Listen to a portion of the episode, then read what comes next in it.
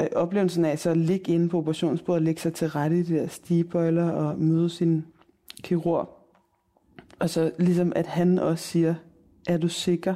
Jeg fucking ligger i den der bøjle, og har skrevet under på det hele, var sådan her, jeg, du, I skal stoppe nu med at spørge mig, ellers vil jeg ikke ligge her.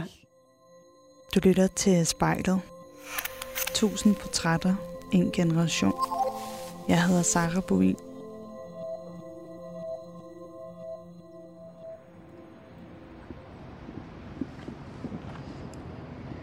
Jeg har lige sat mig på en bænk ved Piblingdoseringen i København. Og jeg havde lige brug for at sætte mig ned, fordi at, øh, ja, det har ikke været nogen specielt let morgen for mig. Jeg har tænkt utrolig meget tilbage på den tid, hvor at jeg valgte at få to provokerede aborter inden for 8 måneder. Og øh, det er noget, jeg tænker tilbage på med, med stor øh, skam. Det var nogle svære beslutninger. Det var vildt for min krop. Og hele mødet med sådan, ja, lægerne, hospitalet. Øh, jeg både fik en medicinsk abort og en øh, abort foregået på hospitalet, og det var fuldstændig sindssygt. Altså, øh, ja, det er ikke nemt at skulle tale om. Det er ret svært, faktisk.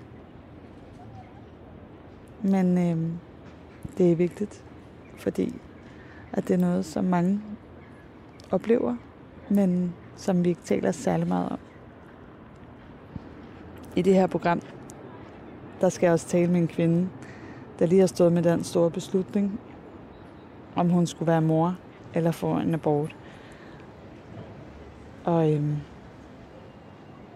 det bliver godt nok en svær en for mig, kan jeg mærke. Jeg har jo selv fået børn ret tidligt. Første gang jeg blev gravid nogensinde, valgte jeg at få øhm, mit barn. Øhm, ja, og jeg har fået tre børn siden, og har også fået tre aborter, så i alt vil jeg egentlig have haft seks børn i alt, hvis jeg havde taget imod alle de liv, der voksede inde i mig. Men jeg ser frem til at, at møde anna Sofie lige om lidt og høre om, hvordan at hun oplever det lige nu. Jeg lavede, at jeg skulle ringe til anna Sofie, når jeg stod her. Et eller andet noget, man skulle ned ind. Hej. Nå, ved du hvad, nu står jeg simpelthen hernede øh, på gaden. ja. Er det, står du lige her ved Tanner Blue? Er det ja. Ja. Så skal du bare gå ind ad porten der, ved, hvor der står FU. Okay. okay. ja. Vi ses. Hej.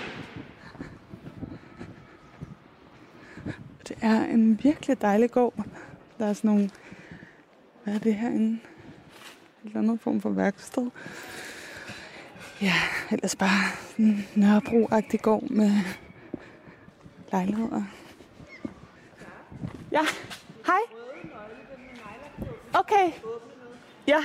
Du må ikke gribe den, for den gør ondt. Okay, jeg holder mig væk. Sådan. Fedt. Nå, nu har jeg fået en nøgle.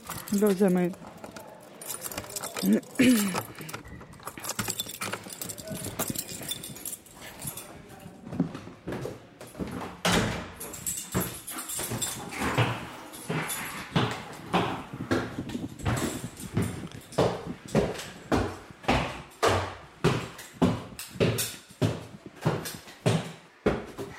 Nu er jeg helt forpustet. Ah. Hej.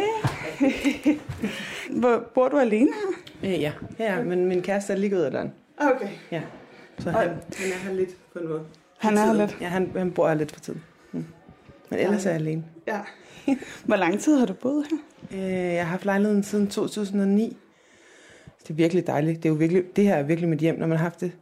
Kan jeg vide, om jeg har boet her længere tid end, mit, end min barndomshjem? det har jeg sgu nok. Okay. Det er ret vildt. Det har jeg faktisk aldrig tænkt over.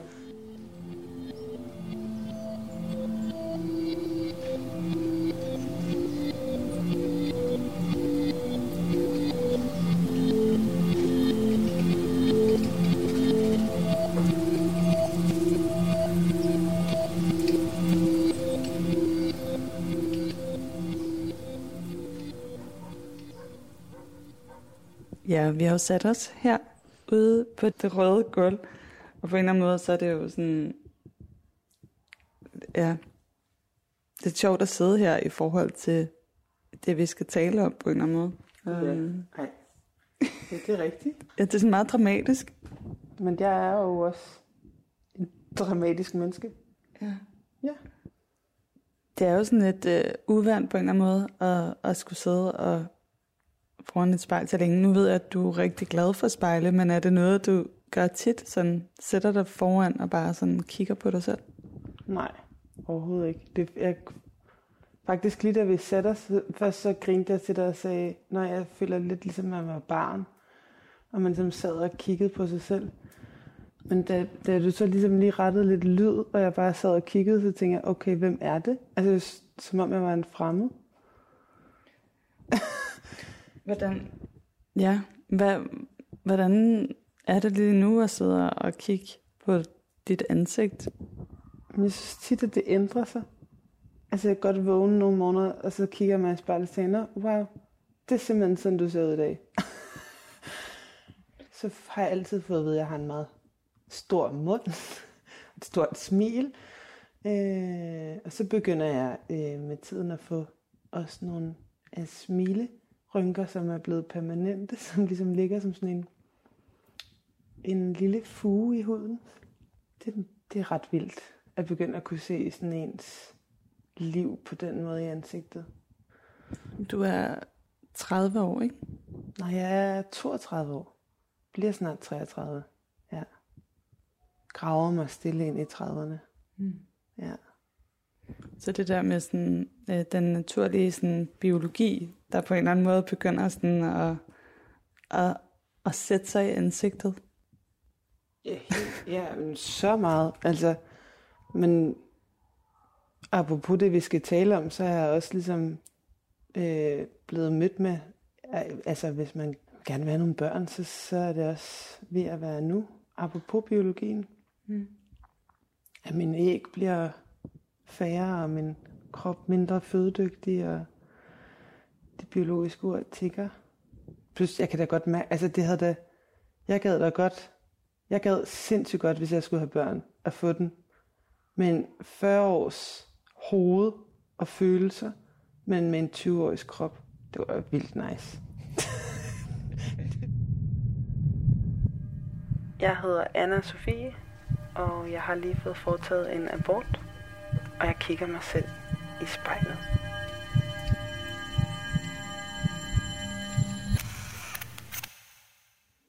Der skete noget rigtig, rigtig dejligt for et halvt år siden. Der, der, der møder du ligesom øh, en fyr.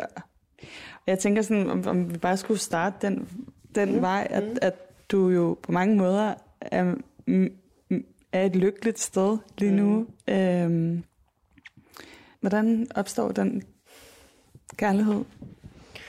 Verden er i lockdown, øh, og jeg synes, det er lidt ensomt. Så har jeg nede og besøge min bror, som bor på Fyn, og tænkte, det var et virkelig dumt sted at sidde og swipe på sådan en dating-app lige der, fordi jeg ikke skal møde nogen på Fyn, når jeg bor i København. Men alligevel ligger jeg og swiper, og så kommer min kæreste så op, øh, og jeg swiper til højre, og vi begynder at skrive lidt sammen, og finde ud af, at vi begge to faktisk er skuespillere, selvom det ikke stod på vores altså sådan profil. Jeg kunne faktisk allerede mærke der, at det var en det var et dejligt sådan et sprog. Og så går så vores første date er en dejlig lang gåtur. Øh, og nummer to date er syv dages lang date i min lejlighed i København.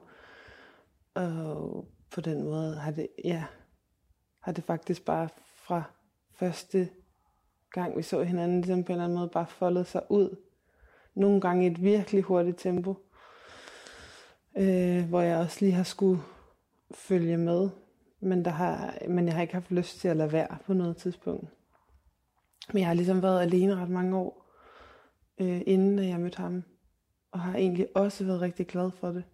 Selvom, altså, det har jo ups and downs, men virkelig sådan bund og grund også fundet kvalitet i at være bare mig selv.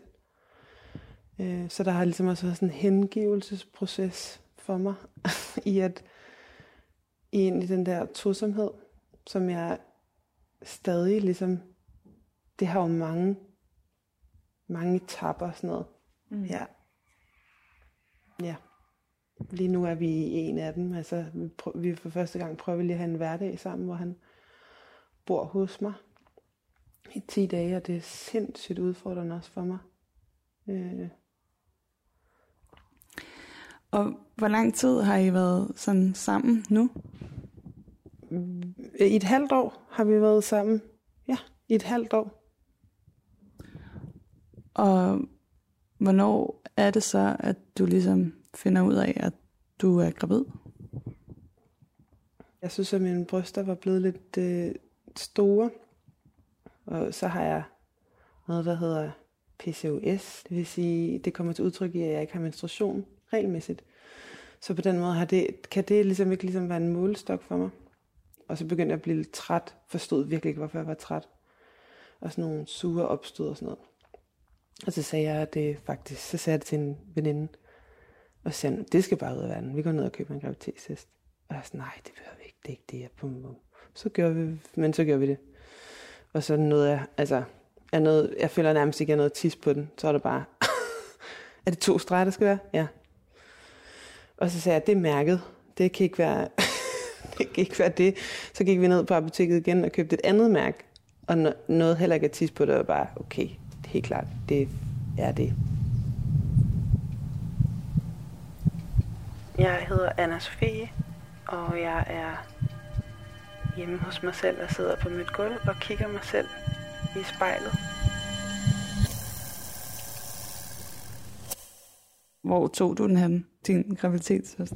Det var her øh, på mit toilet. Men det var en ret sådan pakket dag med nogle øh, arrangementer, så det var også ligesom sådan, åh, så skulle vi lige skynde os ned og hente nummer to, og skulle lige skynde os at snakke lidt om det, og lige skynde os om at lægge en strategi omkring, øh, når, hvordan, hvornår siger jeg det til ham, og jeg har ikke engang fattet det selv, og hvordan har jeg det overhovedet, og skal jeg træffe en beslutning, før jeg siger det til ham, eller da jeg kom hjem senere om aftenen, der kunne jeg mærke, det, det, skal, det er faktisk en proces, jeg gerne vil dele med ham. Men umiddelbart kunne jeg godt mærke, at det var sådan en virkelig en egen følelse. Jeg er gravid, min krop, hvordan har jeg det med det? Men heldigvis var han vildt dejlig at invitere ind i den proces, fordi at det er virkelig rart ikke at være alene i den, selvom det jo primært er mig, der gennemgår den fysisk, men man har, vi har jo været to om det. I forhold til det der med at sidde der og tisse på den der graviditetstest, og så se ligesom de der sådan, to streger sådan, pop mega hurtigt frem. Hvad var sådan din første sådan, tanke eller sådan reaktion? Jamen, jeg, nogle gange, i nogle øjeblik kan jeg være sindssygt kontrolleret, så jeg tror bare, jeg var sådan, at nej, nej, nej. Altså virkelig bare sådan, det, det sker ikke, og det kan ikke ske, og det vil jeg ikke have, sker. Så sådan en, en panik og en kontrol, der ligesom prøver at stå der og slås med hinanden på en eller anden måde. Jeg var virkelig bare sådan, nej. Jeg ved ikke, hvordan jeg ellers skal beskrive det. Og så sådan, det kan jeg, nej, nej, nej, nej. Altså, jeg tror bare, jeg sagde nej 20.000 gange. og så den der anden gang, anden graviditetstest, var det jo sådan en, nå, okay, helt klart. Hmm. Mm, yes. Var der slet ikke sådan et eller andet i dig, at der var i tvivl, eller sådan, havde et eller andet sådan, gud, der er et, altså sådan et menneske, der i virkeligheden er inde i mig lige nu, og ligesom, ja. Mm. Ja, jamen, ja, men ikke slet ikke der, men, men, men helt klart i processen omkring at finde ud af, at skulle, hvad fanden jeg skulle gøre, kan jeg sagtens genkende det. Mm. Øh, men ej, slet ikke der. Men jeg kan huske, at jeg kom til på et tidspunkt i en eller anden snak, vi har omkring scenariet, skal vi beholde det eller ikke, eller hvad betyder det overhovedet det her for os, og for mig, og for ham, og der kom jeg til at sige barnet, ligesom du siger nu, og det var virkelig grænseoverskridende, fordi før havde det ligesom bare været graviditeten. Øh, ja, jeg havde vildt meget brug for ikke at gøre det menneskeligt, egentlig. Ja. Jeg hedder Anna Sofie, og jeg har lige fået foretaget en abort, og jeg kigger mig selv i spejlet.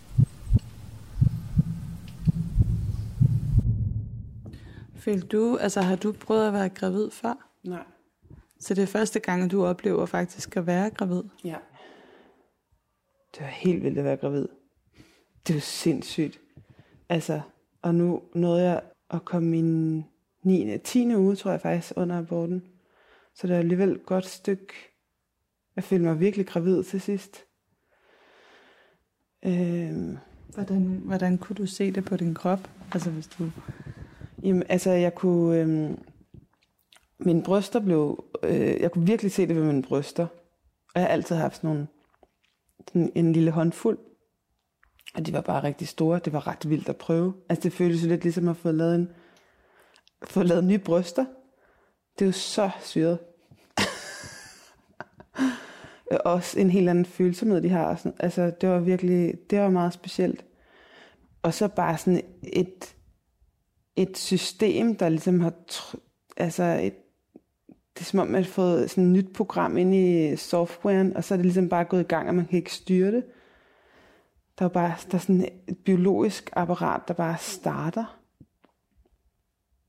Og jeg var så træt af det til sidst, efter jeg havde truffet beslutningen, fordi det er jo så hårdt at blive ved med at gå og blive mindet. Altså det var så hårdt. Min krop ville jo gerne have barnet, fordi det er det, den gør, går ind og gør. Og så kunne det ligesom også godt fodre min tvivl rigtig meget i, at sådan, nå fuck men er det den rigtige beslutning eller hvad? Og så bare finde ud af, om det, er, når, det er, når min krop minder mig om, at jeg er gravid, at jeg bliver i tvivl. Fordi når, når jeg lige har nogle øjeblikke, hvor jeg, kan mær- hvor jeg ikke har en kropslig fornemmelse af det, så er jeg ikke i tvivl. Men ja, sådan noget, ja, kvalme, sure opstød, bare træt, træt, træt, træt, træt, ja, sådan noget. Hvordan reagerede, altså hvordan valgte du så for at fortælle din kæreste det? Altså, Jamen, øh, jeg, jeg ringede ligesom til ham og sagde, at jeg var gravid, og jeg ville ikke have det. Øh, og jeg tror virkelig, jeg havde brug for at sige sådan, melde noget ud med det samme til ham, sådan, så det ikke blev en eller anden form for samtale, som, fordi lige så snart, at jeg fortalte det til ham, så vidste jeg jo godt, at jeg kunne blive påvirket af ham.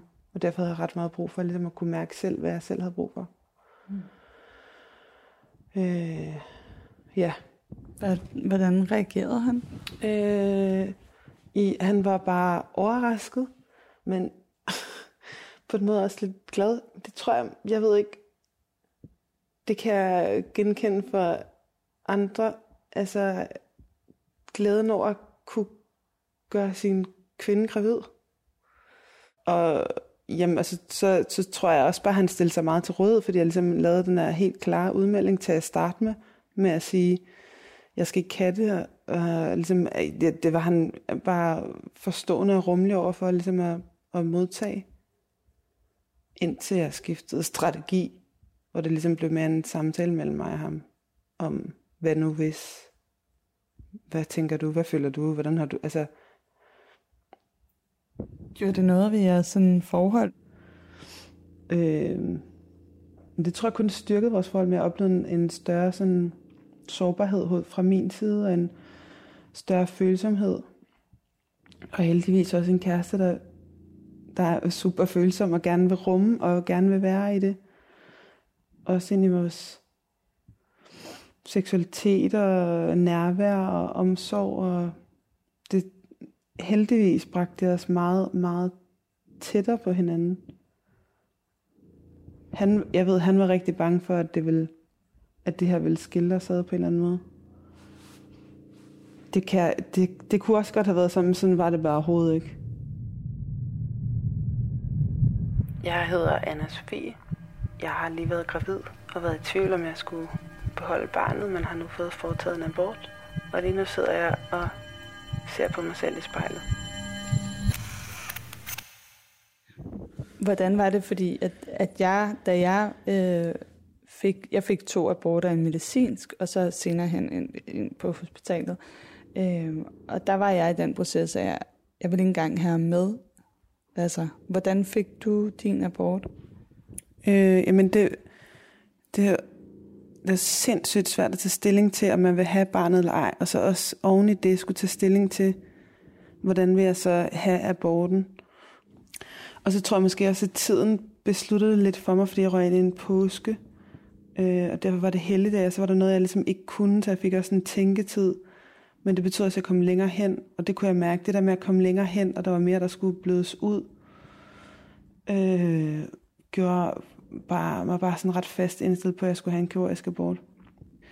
Der var mange, der prøvede at overtale mig at lære efter, både hvilken form for abort, med, om man skal beholde det eller ej, den der, øh, hvad hedder det, konfrontation hele tiden med, er du sikker på, at du gerne vil øh, abortere, er du sikker på, at du ikke vil beholde barnet, som var der helt ind til den dag, jeg blev indlagt.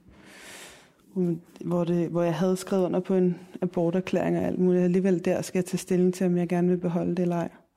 Og så, jo, øhm, vi havde en snak frem og tilbage, da, da vi ligesom besluttede os for, okay, ikke at beholde det, omkring hvordan det ligesom skulle foregå. Og jeg havde en ret klar fornemmelse omkring, at jeg ikke ville have ham med. Der havde jeg virkelig bare brug for, at det ligesom bare skulle ske og overstå, så jeg havde brug for, at det var en kvinde og en veninde, der havde prøvet det selv før, der afleverede og hentede mig og hang ud med mig efter. Sådan en søstersolidaritet, det var det rum, jeg havde brug for. Jeg havde slet ikke brug for at skulle også ligesom tage stilling til hans kærlighed og hans følelser i det på en eller anden måde, når det ligesom ikke lige i det fysiske sådan øjeblik på den måde. Og det, det tog nogle omgange at forklare ham. Men han forstod det virkelig godt til sidst. Øh, ja. Jeg hedder Anna Sofie, og jeg er hjemme hos mig selv og sidder på mit gulv og kigger mig selv i spejlet.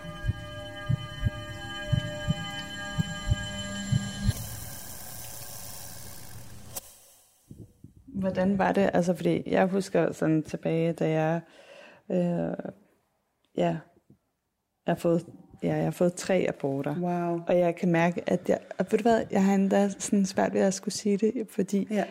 jeg har det sådan... Det er sindssygt. Jeg kunne have haft seks børn eller sådan noget, ikke? I, i alt.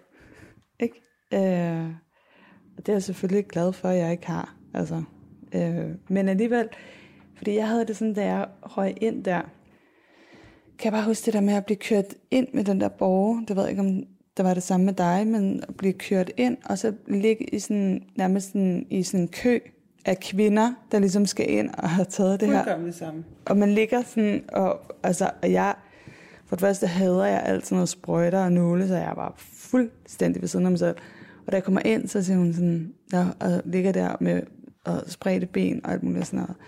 Nå, er du sikker? Og er du okay? Ja, ja, ja, ja. Sådan, og så forsvinder man jo bare mm. væk, og så vågner man op igen. Ude på den gang. Ude på gangen. Og da jeg vågner op, der ligger jeg bare og altså hulker yeah. i den her sådan morfin øh, ros et eller andet. Øh, ja, og det synes jeg bare var så hæftigt, det der med at vågne op. Hvordan, hvordan var, du også, var du også i køen? jeg var totalt i kø. Jamen, det der jo, det der jo er, lige meget man får medicinsk eller kirurgisk abort, så får man det, de kalder de der stikpiller, som man lægger op i livmoderen, som gør, at livmodervæggen trækker sig ind, ned og sammen, om, sådan set ligesom presser det her foster ud. Og da jeg så møder ind på Rigshospitalet, eller jeg har fået nogle stikpiller deroppe, og så ved jeg, at nu skal jeg lige tage to timer inden, og det vil ligesom starte den proces, som den medicinske abort også laver. Øh, og så kom jeg ligesom derop og vidste, at hvis der ville være nogle akutte operationer, så ville jeg ligesom ryge i køen. Dem var der bare rigtig mange af, så jeg endte med at have fastet i 17 timer eller sådan noget fra aften før. Jeg, jeg var lagt til operation kl. 11 og ender først med at komme på klokken 4. Øh, og, og der kan jeg huske, jeg, var, jeg prøvede virkelig bare at være cool. Der var lidt lå og rigtig sød øh, sygeplejerske og alt muligt. Sidst så måtte jeg ligesom ringe hende op og sige, nu ligger jeg og laver en medicinsk abort. Og jeg var, jeg var så ked af det. Jeg lå bare og græd, for jeg, var sådan, jeg kan jo mærke hele min, altså jeg kan jo mærke, at der er en indre proces, der er gået i gang. Og det var præcis det, jeg havde besluttet mig for, at jeg ikke ville. Og så ligger man jo bare der, og så kunne jeg mærke, når nu begynder jeg jo at bløde. Altså nu, processen er jo gået i gang, og så skal jeg ned og i, i fuld narkose, for de kan lave, tage sådan en iske, som de skraber fosteret ud med, og så tager de en støvsuger til sidst. Var sådan, det er jo, ja, så jeg nåede også ligesom virkelig at have sådan en, ej, jeg følte virkelig, at jeg havde truffet en rigtig beslutning, og så øh, oplevelsen af så at ligge inde på operationsbordet, lægge sig til rette i de der stigebøjler og møde sin kirurg. Og så ligesom, at han også siger, er du sikker? At jeg fucking ligger i den der bøjle, og har skrevet under på det hele, var sådan, at jeg, du, I skal stoppe nu med at spørge mig. Ellers vil jeg ikke ligge her. Det, det er bare sindssygt.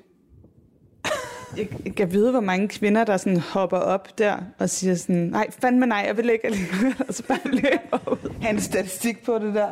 Ja. Ja, det er rigtigt. Det der med at spørge mig om det der, der jeg havde jo fået de der stikpiller, så der var jo noget, der allerede var, altså, jeg kunne ikke fortryde det der. Nej, du, du var jo allerede i gang Ja. med at rapportere der. Ja. ja. Hvilket, ja, det er jo totalt åndssvagt i sig selv. Ja. Ja, det lyder fuldstændig fjollet. Ja. Altså, når det er det, man har prøvet at undgå at skulle mærke Mm. det der plop, det ved jeg ikke, det husker jeg i hvert fald bare som sådan, blub, og så bare sådan kigge ned, og så bare sådan, okay, der røg det der lille foster så ud i toilettet, ikke? Det er jo præcis det, jeg ikke vil. Mm. Ej, det må mm. være så sindssygt, det der. Tænk, at vi også skal gå det igennem. Mm. Jeg hedder anna Sofie, og jeg sidder her og ser mig selv i spejlet med en forelskelse, med en ny kæreste og et barn, vi ikke skulle have. Føler du dig forandret efter det? Det er klart, det sætter, altså, at skulle tage stilling til i min situation om at ville have det eller ikke, at have alle mulige tanker om, hvad et meningsfuldt liv er, og hvilket liv jeg gerne vil leve. Øh, føler, at jeg skulle tage på sådan meget hurtig tid træffe nogle valg om, hvad det egentlig er, jeg har lyst til i mit liv. Altså virkelig sådan mærke efter ret hurtigt.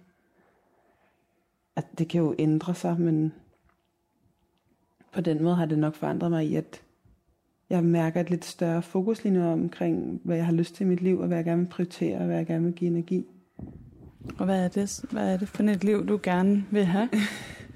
Øh, jamen, jeg, lige nu har jeg brug for mig. Altså, øh, at jeg har tid og plads. Øh, og det ligger både i, at jeg har brug for min frihed.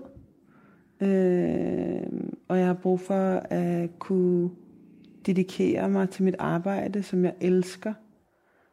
Og jeg har brug for at få omsorg af min kæreste, for at jeg skal give alt muligt omsorg. Jeg tror bare, jeg er ikke jeg vil rigtig gerne have lidt mere. Jeg er ikke helt klar til ligesom at skulle give noget på den måde videre. Det er i hvert fald den, men jeg tror, måske vil man jo også bare gerne finde logikker for sig selv. Jeg har brug for at finde den logik af sådan, jeg lige skal loades lidt op på min omsorgskonto. Ja, så faktisk meget af det handlede egentlig om en karriere. Øh, og det, det kan jo selvfølgelig også det ligger der også alle mulige problematikker i, det, at, det, at man som kvinde så skal træffe en beslutning om karriere eller ej i forhold til et barn, som er helt urimeligt. Men jeg ved bare, at den energi det, og den tid, jeg bruger på mit arbejde lige nu, som jeg er virkelig glad for, vil jeg slet ikke kunne bruge på samme måde. Tror du, at du vil have et barn på et tidspunkt? Jamen, øh, jeg går til psykolog. Det er meget det, vi snakker om. øh, men det, det er sådan lidt... Det er også i en anden kontekst, at jeg har arvet et gen, et kraftgen af min mor, som er død. Så jeg har fået sådan et lidt tidsestimat på, hvornår jeg helst gerne skulle få nogle børn. Så der, der er det er lidt... Det der med, at... Eller jeg snakker meget med min psykolog omkring, at, at der er sådan noget, der er noget, der er et pres, et stress udefra omkring, at der er kommet en tid på, og jeg har mega meget lyst til at, at mærke lysten. Og så lige ved at gå igennem sådan en abort, hvor jeg kunne mærke, når det har jeg ikke lyst til. Men, men så ligesom, men videre, jeg skal tage stilling til, om jeg har lyst til det, og det lyst og, og sådan pres passer bare virkelig dårligt sammen på en eller anden måde. Jeg ved, at jeg vil være en fucking god mor. Det er vildt dejligt at mærke. Øh, men jeg tror, jeg tror bare, jeg har også brug for, du ved, der er mange, der, der, er mange, der siger sådan, øh, du vil aldrig fortryde det barn, du får. Nogle gange får jeg lyst til, at den forsikring også vil være der omvendt. Du vil aldrig fortryde ikke at få et barn. Altså, jeg synes, det er lidt urimeligt, at den forsikring ikke er der på den anden side. Men jeg tror, jeg har selv brug for at sige til mig selv, at jeg kan sagtens finde ud af at putte mening ind i mit eget liv, uden at det handler om børn. Altså, jeg kan godt leve et meningsfuldt liv uden. Det tror jeg bare er et meget kraftigt behov for mig, at øh, ja, nogle gange kan jeg godt have sådan en antilogik. Jeg var bange for, at når jeg så fik aborten, at jeg fandt ud af, at jeg rigtig gerne ville beholde det. Øh, men, jeg, men jeg kender mig selv godt nok til at vide, at nogle gange er det det, der skal til. Så jeg bliver nødt til ligesom også at tilgive mig selv på forhånd ved at sige, hvis du får det sådan bagefter, så var det det, der skulle til, for at du fandt ud af, at det var det, du gerne ville. Og det var bare rigtig rart. Eller måske det ikke antilogik. Nogle gange der med, så er der noget, der bliver taget fra en, og så er det først der, man finder ud af, og det vil jeg jo faktisk rigtig gerne. Og jeg tror da også, det har, det har det i en eller anden forstand af, at det har knyttet mig og min kæreste tættere på hinanden. Og på den måde bliver lysten jo også større til ligesom at dele den form for liv med ham. Jeg hedder Anna Sofie. Jeg har lige fået en kæreste, og nu har vi fået en abort. Det har bragt os tættere på hinanden. Hvordan har det været at ligesom gå ned i den oplevelse, du lige har været igennem? Jeg synes, det har været rigtig rart at være hjemme. ja, det føltes sådan intimt på en god måde. At sidde her på gulvet og ligesom åbne vinduet lidt og kigge ind til det. Livet går hurtigt, mærkeligt videre. Så det er måske også sådan en erkendelse af, når vi lige snakker højt om det, at gud, det, det er jo lige sket. Mm. På en eller anden måde. Men jeg kan, jo, jeg kan jo mærke på mig selv, når jeg snakker højt om det, hvor afklaret jeg er. Det er vildt dejligt at mærke. Faktisk. Tak fordi, at ja, jeg måtte komme, og vi kunne tale om, ja. hvordan det er at tage det valg og skulle have den bort. Ja. Tak selv, så der er mindre alvor i øjnene, synes jeg, når jeg kigger nu, på en eller anden måde. Det er som om, de er lysnet lidt op. Ja, det er rigtigt. Ja. Det kan godt betale sig at sige ting højt nogle gange. ja. Det er dejligt at se. Mm. Jeg, nu sidder jeg og kigger. Jeg kan, jeg kan egentlig også godt se, at der er et eller andet forandret i hvert fald. Mm. Der er noget i blikket. Der er jo, der er en, jeg er uddannet skuespiller, og der er en maskemand, som jeg har været op hos ret mange gange. Det gør man, gør man.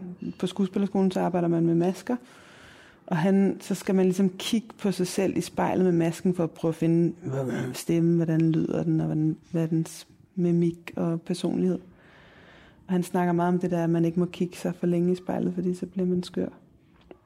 Altså sker der simpelthen inde i hjernen en eller anden forskydning af, at du fjerner dig fra selvet, altså fra oplevelsen af dig selv. Og ja, så man skal også passe på med ikke at kigge for længe. Jamen, så må vi hellere Stop. Stop nu, inden du bliver skør. Ja. ja. Hvis du eller en, du kender, skal være med i spejlet, så skriv til os på Instagram.